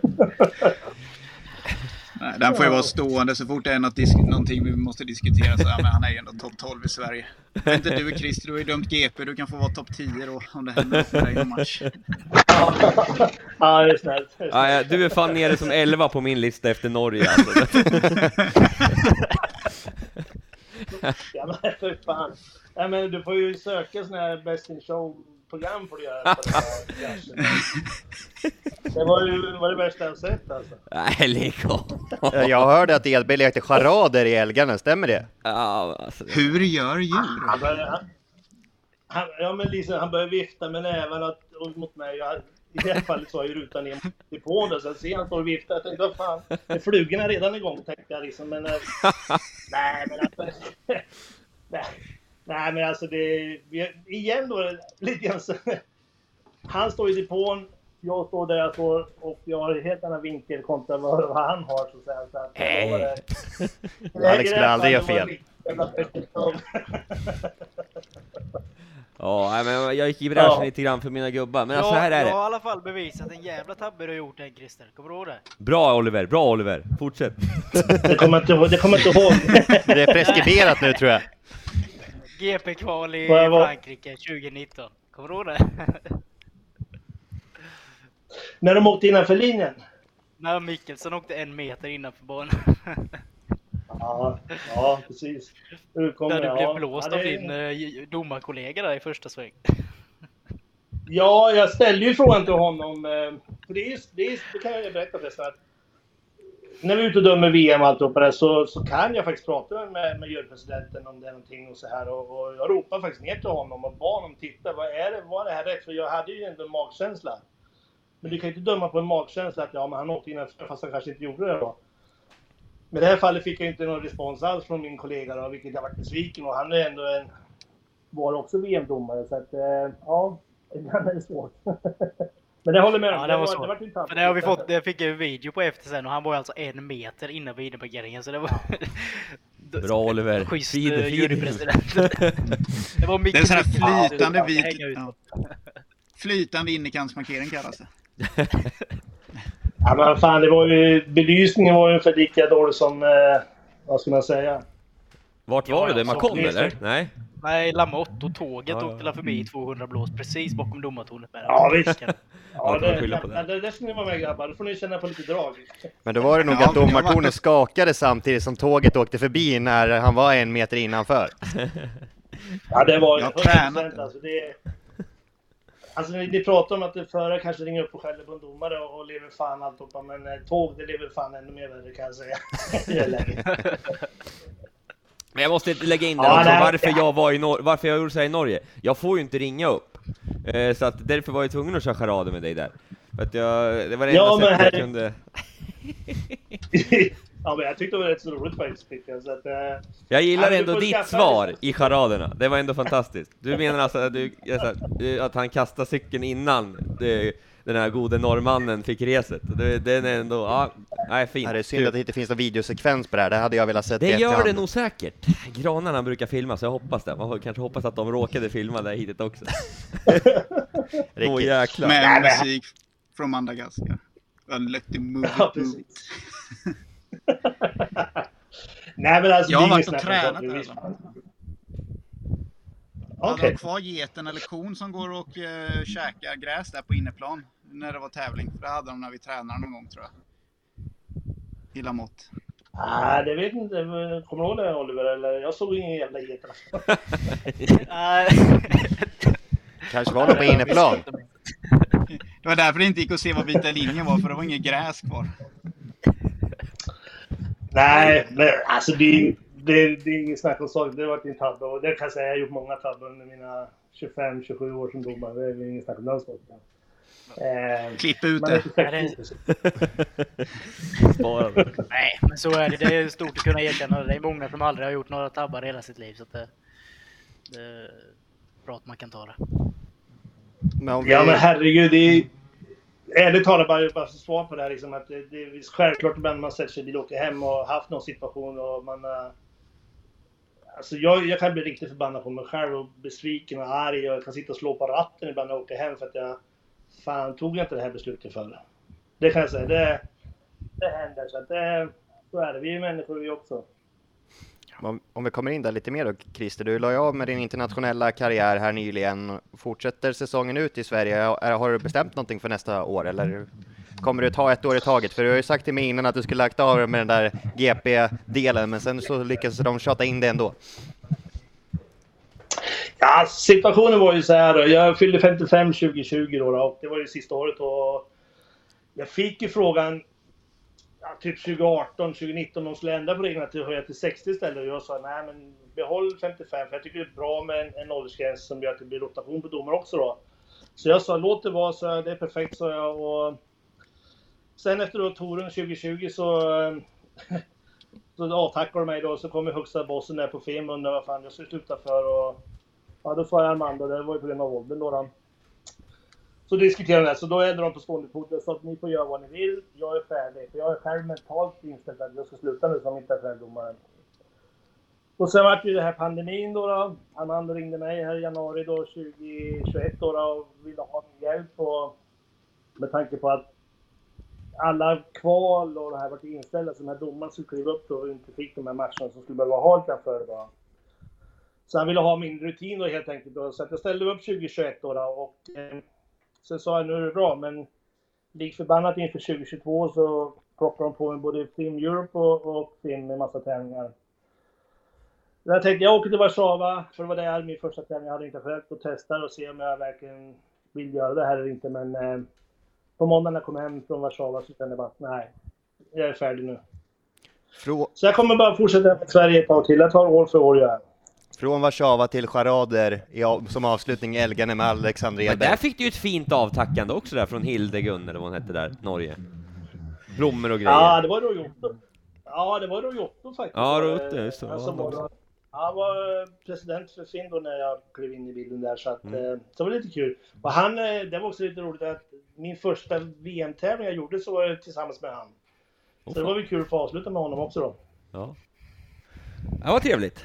Men det är också, det ska vi också bara tillägga. Nej, vi bryter där. Fortsätt, jag vill höra. Nu vill vi höra. Jag vill höra. Nej, men Norge, du vet ju själv. Va? Nej, men Norge var ju väldigt speciellt var det. Det är första gången de arrangerar en internationell tävling på länge. Mm. Eh, de hade inte riktigt personal. Du vet ju själv hur stökigt det var då. då. Det regnade Mm. och jävlades hade sig. Så det var en riktig jävla tuff dag på jobbet både för förare och, och speciellt för mig också då, som var, var både jurypresident och domare. Mm. Och det är fan inte lätt ska ni veta. Så någon som lägger sig frivilligt så här, då blir jag lite förbannad. Blir jag, då. då tycker jag det är dåligt. jag sväljer den, jag sväljer den. vi vann ändå, så vi får vara glada bra. för det, helt enkelt. Ja, ja. Men vi syns i Danmark, är vi. vad bra, vad bra. Sen hade du någonting också Oliver, Ja, men- du... Ja men fortsätt Christer, innan vi flickar in Oliver där. Nej, jag kan bara säga jag kommer vara jurypresident på partävlingen. Ja, ja, ja, ja. ja, men det är bra, det är bra. Det är bra, då har du en ishink så kan du köra vet, ett kallt bad om Alex behöver svalka sig lite om han börjar på med charader där eller någonting sånt. Jag ska vara det lugn. Han, kan, inte säga någonting för han har ingen licens, han får inte ens prata. Nej, jag vet, det är det som är, det är, det som är snacket på alla släppas nu. Jag vet att Oliver Allen håller på att skämta med hela tiden om det där. Du har ingen licens, du kan inte prata eller, men du har fortfarande med på bilderna nere från Frankrike, Ja. men du har ingen licens. Jag läste något, en Twitter-konversation där mellan er två. ja, han skulle också, han ska svara, han ska fixa licens åt mig, har han lovat nu. Så. Någon fejkad va? Så att, eh, Ja, precis. ja, nog om det. Ja men Oliver, du nämnde innan avsnittet där också, att du ville lyfta upp någonting som du ville att vi skulle prata lite om innan vi ska runda av. Vi har pratat här en, en bra stund, men trevligt har det varit. Ja, gud vad trevligt det har varit. Ja, nej, jag vill ta upp, eh, jag vill höra lite vad alla tycker om eh, att man visar känslor eh, efter olika händelser. Som ni, jag gjorde då i lördags. Och det har ju varit lite olika delade meningar om det. Så nu vill jag höra vad, vad ni tycker, var och, var och en. Så kan jag säga vad jag tycker efter. Ricky först. Ja, nej, men jag tycker det är helt klart man ska visa känslor just i den här situationen. Ordval kanske eh, är väl egentligen det man kan påpeka. Sen att man förbannad kan man bli. Det är ju faktiskt också någonting som bidrar eh, till sporten när eh, Gollob och Rickardsson hade sina duster och sen så kom Crump in med ett jäkla humör också. Så att eh, det bidrar ju. Det blir, det blir någonting som händer mellan hiten också. Eh, som sagt, inget fel att visa känslor. Det är bra. Eh, ordvalen kanske man ska tänka på, är min mening. Christer? Nej, men det, jag håller med. Det är klart man ska visa känslor. Jag menar, jag som domare har ju fått ta lite skit bland förare ibland på telefon och sådana grejer. Men jag lovar dig, i alla fall nio av tio gånger efter tävlingen så har man ju tagit varandra i hand och liksom, allting har lugnat ner sig. Så att det är självklart man ska visa lite känslor. Det ska man göra. Eh, fan vore det väl annars tycker jag om man bara liksom går därifrån och inte bryr sig om någonting. Liksom. Det, då, det känns som det saknas någon tävlingsinstinkt i kroppen på den tiden. Då, då. Så för min del så självklart, visa känslor. Sen som Ricky säger då, ja, man kanske inte vräka ut sig de värsta orden kanske då, men... Eh, men idag finns det bra teknik på TV så jag kan säga pip, pip, pip istället. Ja, vi skulle ha gjort det i sändningen jag och Alex, lagt in egen. Alex. Ja, man får lägga in istället för det du nu skrek, så man säger Jag gillar speedway! Så, så skriker man. Nej, jag Eller, nej, jag, jag vet vilken vi skulle ha haft egentligen. Nej, alltså, jag kan inte, jag kan inte uttrycka min besvikelse på speedway just nu. Det är helt omöjligt. Fatta det här lugna tempot från dig, när du ändå skriver, liksom ser helt galen ut bara och vill slå ner han som håller i kameran. Eh, nej men, oj, alltså, visar man inga känslor, nej jag håller, jag, jag är likadan, eh, får jag väl villigt erkänna i många fall, och går in för det ganska hårt, och då är det klart att det ibland brister. Eh, jag, jag säger inte att eh, var ordvalet här, men nu för tiden så är ju folk mycket mer lättkränkta, det är ju bara så. Det är bara att erkänna. Eh, det märker man ju verkligen, jag jobbar i en fotbollsklubb normalt, och där eh, snackas det ju värdegrunder, hållbarhet, alltså varenda dag. Man får inte säga ett ord fel. Eh, så på det sättet kanske inte jag passar in så bra där. Nej, men det blir väldigt mycket mer hets kring sådana här grejer tror jag nu än för många, många år sedan, och därför tror jag att många kanske rynkar på näsan. Samtidigt som jag tycker, vad jag har läst på sociala medier och lite grann sånt här, som man inte kan sluta läsa med tanke på att det är så underhållande i vissa grupper, är ju att de ändå skyddar dig väldigt mycket där Oliver, och tycker att eh, du visar känslor och att det är bra att du gör det. Det är ändå ett VM-guld på spel. Eh, så att, eh, nej, jag... Eh, jag kan inte säga så mycket, jag är ju ganska het själv, så att jag väljer också att tycka att du ska få visa dina känslor. Ricky? Ja, nej men en sak som är, jag, jag gillar där framme vid start nu, när man ser pulsen på killarna sparkat startspår är inte speciellt jobbigt och alla som hållit på lite med träning kan ju se att killarna är ju liksom och, och liksom är ju på mjölksyretröskeln innan start av rent adrenalin. Så där, där, kan man liksom, där ser man ju det svart på vitt, vilket adrenalinpåslag du har i ett hit. Var det tysken som hade 240 i puls ett hit där eller? Ja, jag tror att det var fel på pulsklockan där hoppas jag. Han dog för fan! Eller, ja, det var lite som var lite spännande var det i alla fall. Nej, men jag, jag, kan bara lägga in... Nej, men, jag, nej. Oliver, det är ingenting du behöver tänka på. Det, släpp det där. Det är bra att du visar känslor. Och jag kan säga så här, även jag som domare, jag har ju också känslor. Men jag blir bannad i telefon när någon ringer upp och, och är väldigt otrevlig telefon. Men det är bara att en annan får ju välja sina ord ändå när man pratar med dem. Men, men jag lovar, jag biter med läppen många gånger också då. Just det här biten då. Så att eh, fortsätt visa känslor och sen eh, kanske ett litet pip i Mm. JB jobbar med tekniken bättre. Ja. Teknik har inte jag koll på. Nej, men det är väl lite som de är inne på här tycker jag rent generellt. Känslor måste man visa. Eh, sen kanske ordalaget, absolut. Eh, sen har vi å andra sidan sett folk som har vet det, gett sig på kameran och smält till den också, så det finns ju värre situationer man har sett också.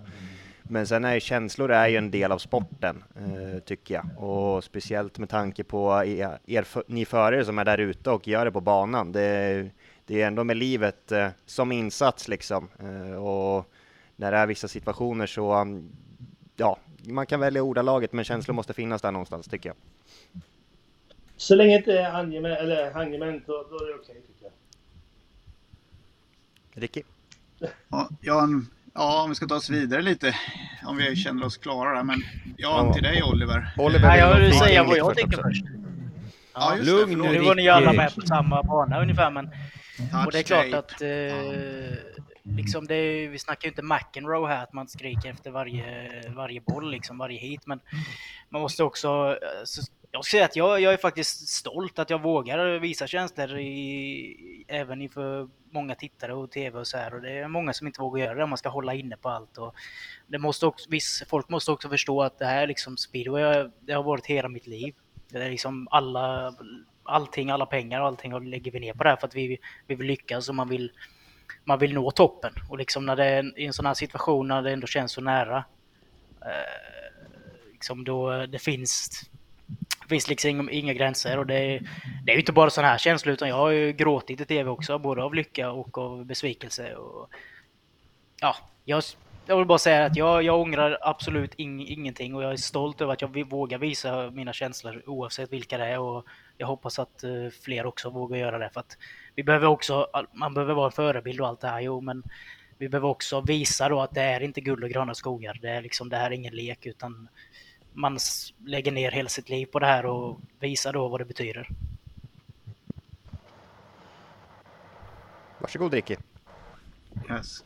Ja, nej, ja precis. Nej, livet är ju inte ett, det är ju inte att hoppa omkring på rosa moln av sockervadd liksom. Det är ju en annan taggbuske som kommer i vägen lätt. Men eh, ja, nu ska jag vidare till det jag hade där. Eh, lite mer speedway-fråga till dig Oliver. Du är ju inte den längsta mm. killen. Hur mycket har, har, du behövt anpassa din cykel genom åren? Från den första 500-cykeln till där du är idag? Och vilka förbättringar du, känner du har gjort störst skillnad? Eh, ja, jag är inte så lång. Eh, och jag vill säga att jag har haft mycket problem med det här eh, de första, ja gud vad kan det vara? Det är ju ända fram till 2017 där någonstans. Så det är ju i alla fall mina sju första år på 500 så fanns det inte så mycket, så mycket att göra. Visst, det fanns olika längd på fotpinnar, liksom mindre sadlar och olika styren och sånt. Men eh, ja, det gick ju att anpassa lite, men det liksom det gick inte att få till en optimal passform på cykeln för mig ändå, eh, om jag ska vara helt ärlig. Fram tills 2018 eh, när Java tillsammans med Kenneth Bjerre eh, ta fram en mindre, ja en mindre ram helt enkelt. En, ja, man skalar ner ramen lite både på både på, både på höjden och längden då, så att det blir en lite mindre cykel helt enkelt. Och, eh, nu är vi ett gäng stycken lite mindre förare som kör med dem och eh, ja, uppenbarligen så gör det bra, alltså stor skillnad för, för oss. Mm. Ja, men det är intressant ändå för att...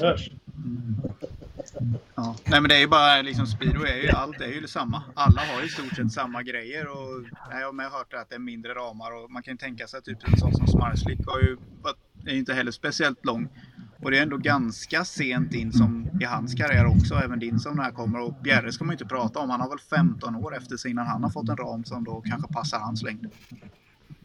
Ja, nej men precis. Och det var ju så väldigt länge att ja, det, fan, det var liksom det här har du en spelarcykel, det är de här som finns och det är den här kopplingen som finns och ja, lite så. Alla kör med samma och jag menar så, så ska det ju inte vara utan man ska ju, man ska ju hitta sitt egna och nu, nu för tiden finns det mycket mer val, valmöjligheter.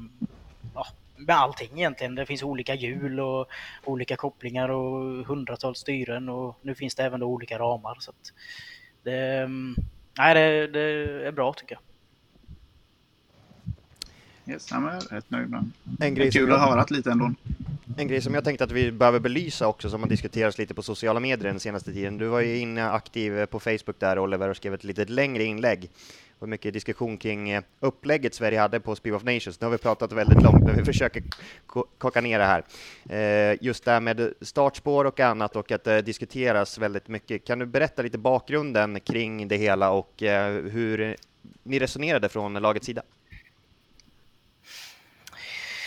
Uh, ja, alltså det var ju självklart så är ju allt, det är ju, handlar ju inte om en individuell prestation utan det är ju laget måste få så många poäng som möjligt. Och, ja, efter träningen där på torsdagen, eh, det kändes bra för oss alla tre. Och eh, ja, vi började ju första heatet och satte vi Lindgren på, på innen och jag på mig på ytten då.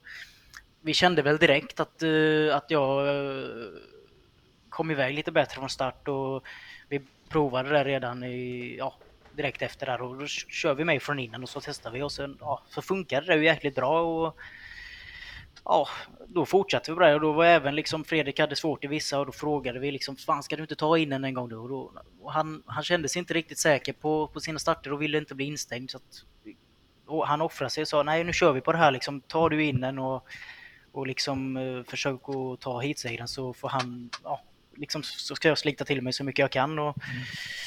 det är ju liksom... Ja, det är en laginsats. Man, Fredrik han gjorde, han gjorde det som han trodde skulle bli bäst för laget och eh, ja, uppenbarligen då, speciellt i finalen, så var det ju blött i början och i princip omöjligt från ytten. Det funkade ju bättre på slutet, eh, såg man ju, men ja, jag tyckte bara det var hårt att såga någon och att man ska byta ut han efter 2-0 liksom när man har haft bana 4 där det är blött och ja, jag ville bara liksom ge lite hur verkligheten är egentligen. För det är ändå så inte många som skulle gå in och göra det som du gör också och vara så pass frispråkig och ändå så försöka ge en nyanserad bild. Hur gick tankegångarna när du väl ändå ville gå ut och vädra dina reflektioner och tankar kring det? Ja, nej, jag vet inte. Det är, inget, alltså, det är inte första gången jag går och skriver långa inlägg på den här, i den här gruppen. Liksom, jag tycker att det är väldigt, väldigt mycket skitsnack och Ja, det är klart det måste vara diskussioner, eh, absolut. Det är ju det som kommer att hålla gruppen vid liv och eh, kritik måste man kunna ta, men jag, eh, om jag tycker att det, någonting är fel eller orättvist så, så kommer jag aldrig ha något problem att gå in och liksom, ja, skriva som det är eller som jag tycker, även om jag är liksom en officiell person då, ja, eller förare som inte ska säga så mycket egentligen. Men jag kommer, jag kommer alltid stå på mig och skriva vad jag tycker. Är det någon som vill tillägga något mer? Nej, men jag tycker det var bra. För det som jag säger, det, det är mycket spekulationer som de, de vet inte alls vad som ligger bakom det. Och den statement du gjorde där tyckte jag var perfekt faktiskt. Jag tycker det var bra. Eh, jag gillar inte heller när man går ut och frågar som de gjorde med Liljen nu. Och, jag menar, precis som du nämner, banan, alltså man får ju se helheten. Banan är, tycker jag i min värld väldigt kass. Vad tycker du om banan för det första? Och, eh, ja, Vojens är en svår bana tycker jag. Det blir ingen bra racing mm. eller? Nej, vi var inne på lite innan, innan här också, jag och Rickard. Det är ju väldigt, det är ju väldigt trång och, och tight bana och det är svårt att få till en bra racing där. Och visst på en uh, endagarstävling kanske om den går att preparera riktigt bra så, så kan man få till det. Men nu då när det var fyra, fyra tävlingar fyra dagar på rad så var man ju tvungen att lämna banan ja, väldigt hård och uh, det gjorde ju då att det inte bjöd in till så mycket racing, tyvärr. Nej, Nej men så är det. Men stå på och fortsätt. Jag tycker det är bra med de här kommentarerna från folk som vet vad de pratar om. Så all heder! Ja, men kalas! Tack så jättemycket Oliver och Christer för att eh, ni var med och eh, gästade oss. Det blev eh, över en timmes snack så eh, lyssnarna har någonting att gått i, gå igenom samtidigt som Rickis eh, telefon plingar något kopiöst här i bakgrunden. Men eh, ni ska få ta hand om eh, dagen här eh, framgent och lycka till med det ni tar er an här framöver. Tack själva, Tack vara med. Ja, men då tackar vi våra gäster Christer Gardell och Oliver Berntsson för ett eh, väldigt trevligt samtal. Eh, om vi börjar med dig Alex, är det någonting som du spontant lyfter ut från eh, det vi har pratat med de två herrarna om? Ja, men ändå såklart att båda är så pass ärliga och Christer, eh, ja men han har varit med länge och ger sin syn på, på saker och ting samtidigt som vi har ett förarperspektiv också. Eh, och två riktiga experter i mig och Ricky då. Men nej, ja, jag då? Ja, tack, tack. Jag ja, bara... men du är bara kommentator. nej, men eh, såklart kul att få höra och vissa saker då, det jag lyfter mig fram här mer är väl att ja, men folk ska kanske inte vara så dömande hela tiden i, i hur saker och ting går till, utan det finns alltid en baktanke med att man gör på ett visst sätt och den kanske man ska ta reda på innan man slänger ur sig massa skit. Ricky? Ja, nej, men det var, det var riktigt intressanta samtal och jag tycker det är kul att vi, att vi lyckas få med sådana där gäster och kan ha, liksom, sitta och, och smågaffla lite om det. Om man ska kalla det för läktarracing eller någonting. Men eh, det är väldigt intressant. Liksom. Det är ändå ja, två stora profiler inom, inom sporten i Sverige. Då är det dags för oss att eh, ta oss vidare till ytterligare ett segment här i Cirkus Speedway.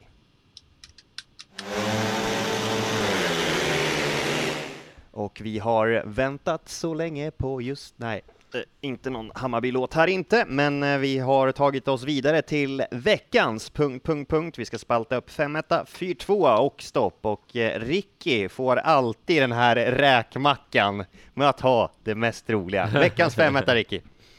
Ja, jag är ju räkmacksansvarig i den här podden då va.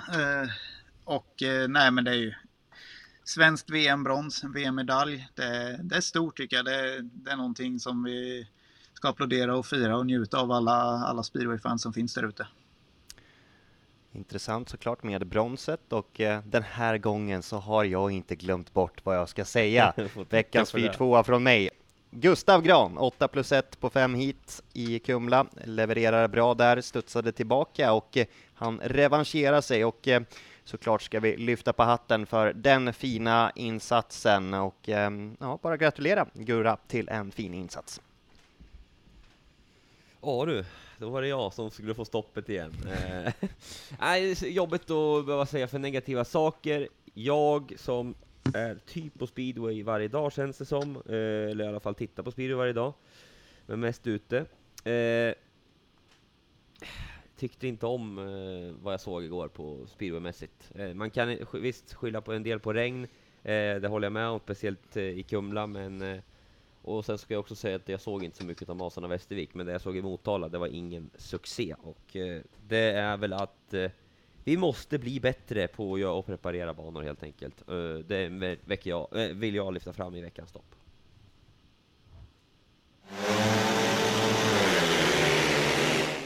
Vi håller tempo, vi lämnar veckans punkt, punkt, punkt, 5, 4, 2 och stopp helt enkelt. Och eh, vi ska ta oss eh, vidare till lite lyssnarfrågor här. Vi har fått in en hel del, men vi har ju ett ganska långt segment med Christer och Oliver. Vi belyser en hel del av det vi faktiskt har fått in. Jag ska börja med en eh, fråga här från Jonas Andersson som undrar, jag har kortat ner lite, men han upplever att parkörning idag är mer sällsynt. Upplever ni det också? Och eh, vi börjar med dig Alex. Uh, och ja, det skulle man väl nästan kunna säga att det känns som ibland, ja. Uh, det har blivit lite mer att det är svårare att göra det. Uh, banorna kanske inte, nu slänger jag bara ur med något, men det känns som att det kanske är lite svårare att paråka på vissa ställen. Och då har det blivit att det, att det märks av uh, utåt sett på det här sättet man måste kanske gärna ligga i samma spår efter varandra för att det ska gå snabbt och inte man, någon annan ska kunna ta det spåret. Så att, eh, ja, det har det nog absolut blivit. Jag vet inte Ricky, du får väl nästan, eh, du har ju sett mycket Speedway den här veckan från Son, på, på, utan att ha haft något att kommentera och sådär. Vad, vad säger du? Ja, nej men jag tror, jag tror det är lite svårare att paråka idag. Grejerna går snabbare. Alla dras mot den här ideallinjen på banan. Behöver få tag i lite material oftast eh, i svängen för liksom att, få, att få med sig kraften. Annars får man bara spinna bort den. Så att, eh, ja, nej, men jag tror det är lite svårare än vad det brukar vara. Eh, som det var ju lite speciellt där man fick ju se Lindgren försökte ju verkligen där att hjälpa fram Oliver och lite sådana här saker. Men även där i en sån partävling så kändes det som att liksom, ja, instinkten är ju verkligen att gå mot ledningen hit. Och tar man som sånt så var det faktiskt inte det som var, var meningen. Utan det räcker faktiskt med en klassisk 3-3 där. Och ibland kändes det som att de, de glömde av det där lite grann faktiskt. Om jag får flika in där lite också, just det, det intressanta där du är inne på Ricky, eh, med just att det var mycket tendenser just till det individuella. Blir man för smittad av eh, det vanliga just när man kanske kör Grand Prix och annat? Eh, om vi börjar med dig Ricky, vad säger du om det? Man har väl någon form av, alltså det normala när man kör är ju att köra för att vinna. Det är ju det som är de naturliga instinkterna och och sådär. Så att, eh, ja, jo men det är det väl. Eh, kan man säga. Det är ju det normala och det blir ju, det blir ju att tänka på ett annat sätt. Det är ju, det är ju speciellt sånt på något sätt. Jag, tycker, jag gillar ju tävling att det är något som bryter av och sådär. Eh, man kanske hade önskat på lite mer paråkning, att de verkligen satsade mycket på 3-3 och sådana här saker. Men eh, ja, det, det är en, eh, en one-off event eller vad man ska kalla det som, ja, som gör att, som, som bryter mönstret. Och det normala är väl att förarna kör för att vinna hiten som man gör normalt. Ja, det, du är helt inne på rätt linje tycker jag. Jag vet inte vad jag ska säga ja. där. Jag, ja. ja, jag sitter här fan svettas ju nästan. Jag börjar nästan bli sjuk ja. tror jag. Ja, ja, nej förlåt. Jag ska ta mig vidare till ytterligare en fråga. Jag är lite smått provocerad av den här måste jag erkänna, men den är tydligen bara riktad mot uh, dig Alex och Ricky. Det är från uh, Peter Samuelsson. Han skriver så här om ni måste välja en förare som ni måste köra alla hit resten av livet tillsammans med, vem? Inom parentes, måste vara en ni har kört i samma lag med tidigare. Och motivering till valet. Vem är först ut, Rick eller Alex? Jag kan ta den direkt. Jag kom på en direkt. Eh, Pavel Lib. Världens bästa parkörare. Tittade mer bakåt och på mig än eh, framåt, kommer jag ihåg, i Mariestad när vi skulle bärga, när vi körde två matcher borta för Hammarby mot Mariestad. Alltså han, vilken, vilken legend alltså. Eh, riktigt duktig på att åka hoj också, så han bara, han blockade någon på innen, han körde ut någon i staketet på rakan, bara så att lagpolaren skulle fram. Så att eh, jag skulle absolut välja honom. Han, han var så rädd för dig så han glodde alltså mer bakåt än framåt när ni åkte upp. Ja, ja, det kan ha varit så. Ja. eh, jag har också en Darcy Ward när han, var, när han körde. Det, vi åkte ihop där i pool och åkte några hit med han och han har ju sån kontroll. Han kunde ju verkligen paråka. Han kan ju ta en sämre linje och ändå få med sig farten. Liksom, det var någon gång när man åkte ihop någon femmeter, liksom, han åkte typ mer eller mindre och knuffade runt den kunde man känna. Och ja, han, han hade verkligen kunde konsten att parköra. Så det var kul att uppleva och se det faktiskt. Ja men Darcy är en eh, gudabenådad eh, förare på alla sätt och vis. Men du JW, vem eh, eh, kommentator då? inte Alex. Vem, vem vill ha som sidekick? Oj, oj, oj. Jag vet ju vem du ska säga här. Ja, alltså, Eller vem du vill säga. Då får jag, om jag inte får säga Alex, jag, tar ju, jag har ju 50% Alex och 50% Kim här bredvid mig liksom. Jag kommenterar om ja, jag inte du får, får inte välja... ta dem. Inte. Oj. Nej, du, kan, du, du behöver inte ens ha jobbat ihop med någon. Vem skulle oj, du vilja kommentera oj, med? Oj. Ja, det här, bara kommentator rent generellt så hade det varit någon. kul att få mm. sitta sidekick till Niklas Holmgren. Då ja, hade man ju blivit lite nöjd faktiskt. Det måste ju vara din idol. Det, det är eh, inte en idol, men han är härlig på alla sätt och vis. Och jag har faktiskt... Alltid kryss i match 13. Ja, jag har faktiskt fått in en uh, lyssnarfråga ytterligare här, men personen vill inte säga vad han heter. okay. Men han såg bilden med dig och Rafal Dobrutski på Facebook och tycker att ni är väldigt lika. Är ni släkt egentligen? Ja, det kan det nog mycket väl vara. En gode Dobrutski vill man gärna vara släkt med, absolut. Han är en riktig legend eh, som... Eh, Ja, han kanske också är lite besviken den här veckan. Polen levererade inte, så att ja, man, kan, man kanske får ta hans jobb snart. Har ni någon stödgrupp eller? Ni två? Ja, vi har en Messenger-grupp här, vi lagledare som, som inte riktigt eh, lyckades där borta. Även om man tog guld i sån två med lite flyt så, så nej, skämt åsido. Eh, en härlig människa, den gode Rafal. Ja, för där ska vi också, nu kör jag ett litet sidospår här, men du har ju verkligen arbetat febrilt utöver, när du väl, det ska tilläggas att du har varit ledig under de här perioderna, när du har tagit fram content då till oss på våra sociala medier. Drevet med Tony Rickardsson, bilden med Dubrutski, ja, alltså, våra lyssnare bidrag. är lyriska just Man nu. måste ju säga så här, jag har ju faktiskt, jag har ju fått göra det den här gången, för jag känner att till den här podden så var jag helt värdelös och inte hade förberett mig knappt någonting alls. Så jag var tvungen att bidra med de här grejerna för att ni skulle bli lite glada. Så att, eh, ja, det var mest därför. Nej men kul ändå att folk ställer Podd är ett ljudformat. Ja, ja, absolut, förlåt. det är jag som sa tittarfrågor när vi ja, vet att jag var tvungen att, då stekte vi den ja. faktiskt. Men nu har vi tittarfrågor med här 20 gånger här idag. ja men det är ändå roligt. Det är kul. Det är det som folk vill höra och då måste vi prata om det helt klart. Och det, sen att vi kryddar med lite extra grejer. Det kommer ut en tävling här snart också på Facebook. Vi har även en, eh, ett nytt boktips på gång på Facebook också sen, vi ska låta ut en bok. Ja, vi har en bok på gång faktiskt. Japp. Det blir en uh, liten outsider, men man ska ha lite humor i alla fall. Ja, men säga. det måste man ha, och det är väl lite där vi också är inne på hela tiden. Det kommer vara seriösa grejer hela tiden och sådär, men sen kommer vi till oseriösa grejer. Som jag även har i vårt nästa segment här, Ricky. Men uh, vi kör inget motorljud innan den, utan vi bara säger så här. Succé från förra veckan, Fuck, Mary kill. Folk hyllar den som fan ute på banorna när jag har varit och de tycker att det är en rolig grej. Så jag kör den igen med Gardell och sen Oliver Berntsson och slänger in en joker i Jerker Eriksson. Du får ta de tre, fuck, Mary kill. Ricky, varsågod. Oh. Ja, Jerker åker ju på soptippen. eh, det känns spontant. Nej, han får åka på soptippen. Eh, Klarar alltså, du av Olivers Gardella... temperament? Alltså? jag vet inte. Nej, men jag får väl... Ja, nej, ja. Jag får ligga med Oliver tror jag.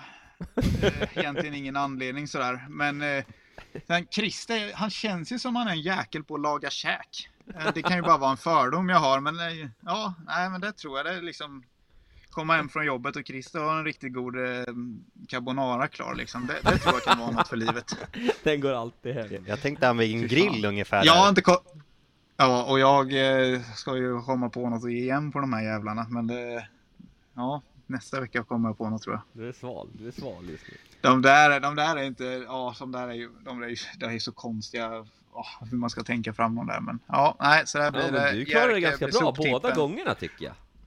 Ja, det bra. och sen är det söndagssteken. Ja, ja, nej men det är söndagssteken som räddar Christer så är det ju. Jerker vet jag inte. Han kör ju liksom, ja nej, han, han får vi skicka iväg så är, det blir bara så. Så det får bli, dag, det får bli De klarar sig på två lagledare i Smedna menar du? Eller tre? Ja, det gör de. de ja, ja. ja, det är tillräckligt många där. Och Oliver behövs ju lejonen liksom. Schysst ändå, han behövs vi bara lejon.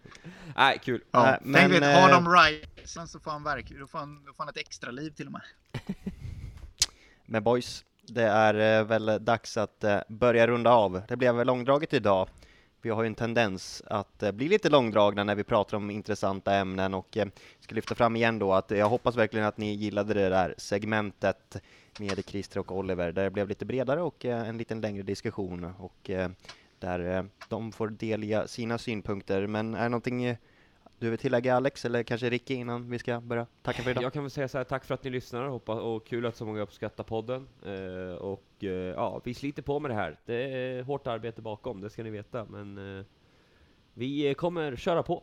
Så är det bara, och eh, hör gärna av er med frågor som vanligt, så ska vi försöka hitta några intressanta gäster även till nästa avsnitt. Mm, ja, precis. Det går ju önska gäster om man ville. Se, så vi hittar lite infallsvinklar och sådär med. Få lite hjälp med sånt där.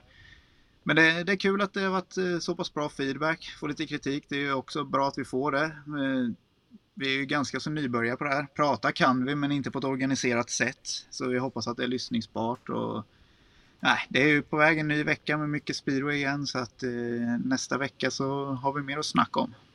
Ja, vi har alla en eh, väldigt fullspäckad vecka nästa vecka, så vi ska försöka hitta någon dag eh, där vi faktiskt kan lokalisera och eh, få in allt i våra späckade schemor helt enkelt. Men ni får hålla till godo till det här avsnittet som ni nu har avnjutit och glöm inte att vi finns på sociala medier såklart, Patreon, Swish och sen ska vi tacka våra samarbetspartners Max 500 Media Produktion och fotograf Erik Kruse en gång till.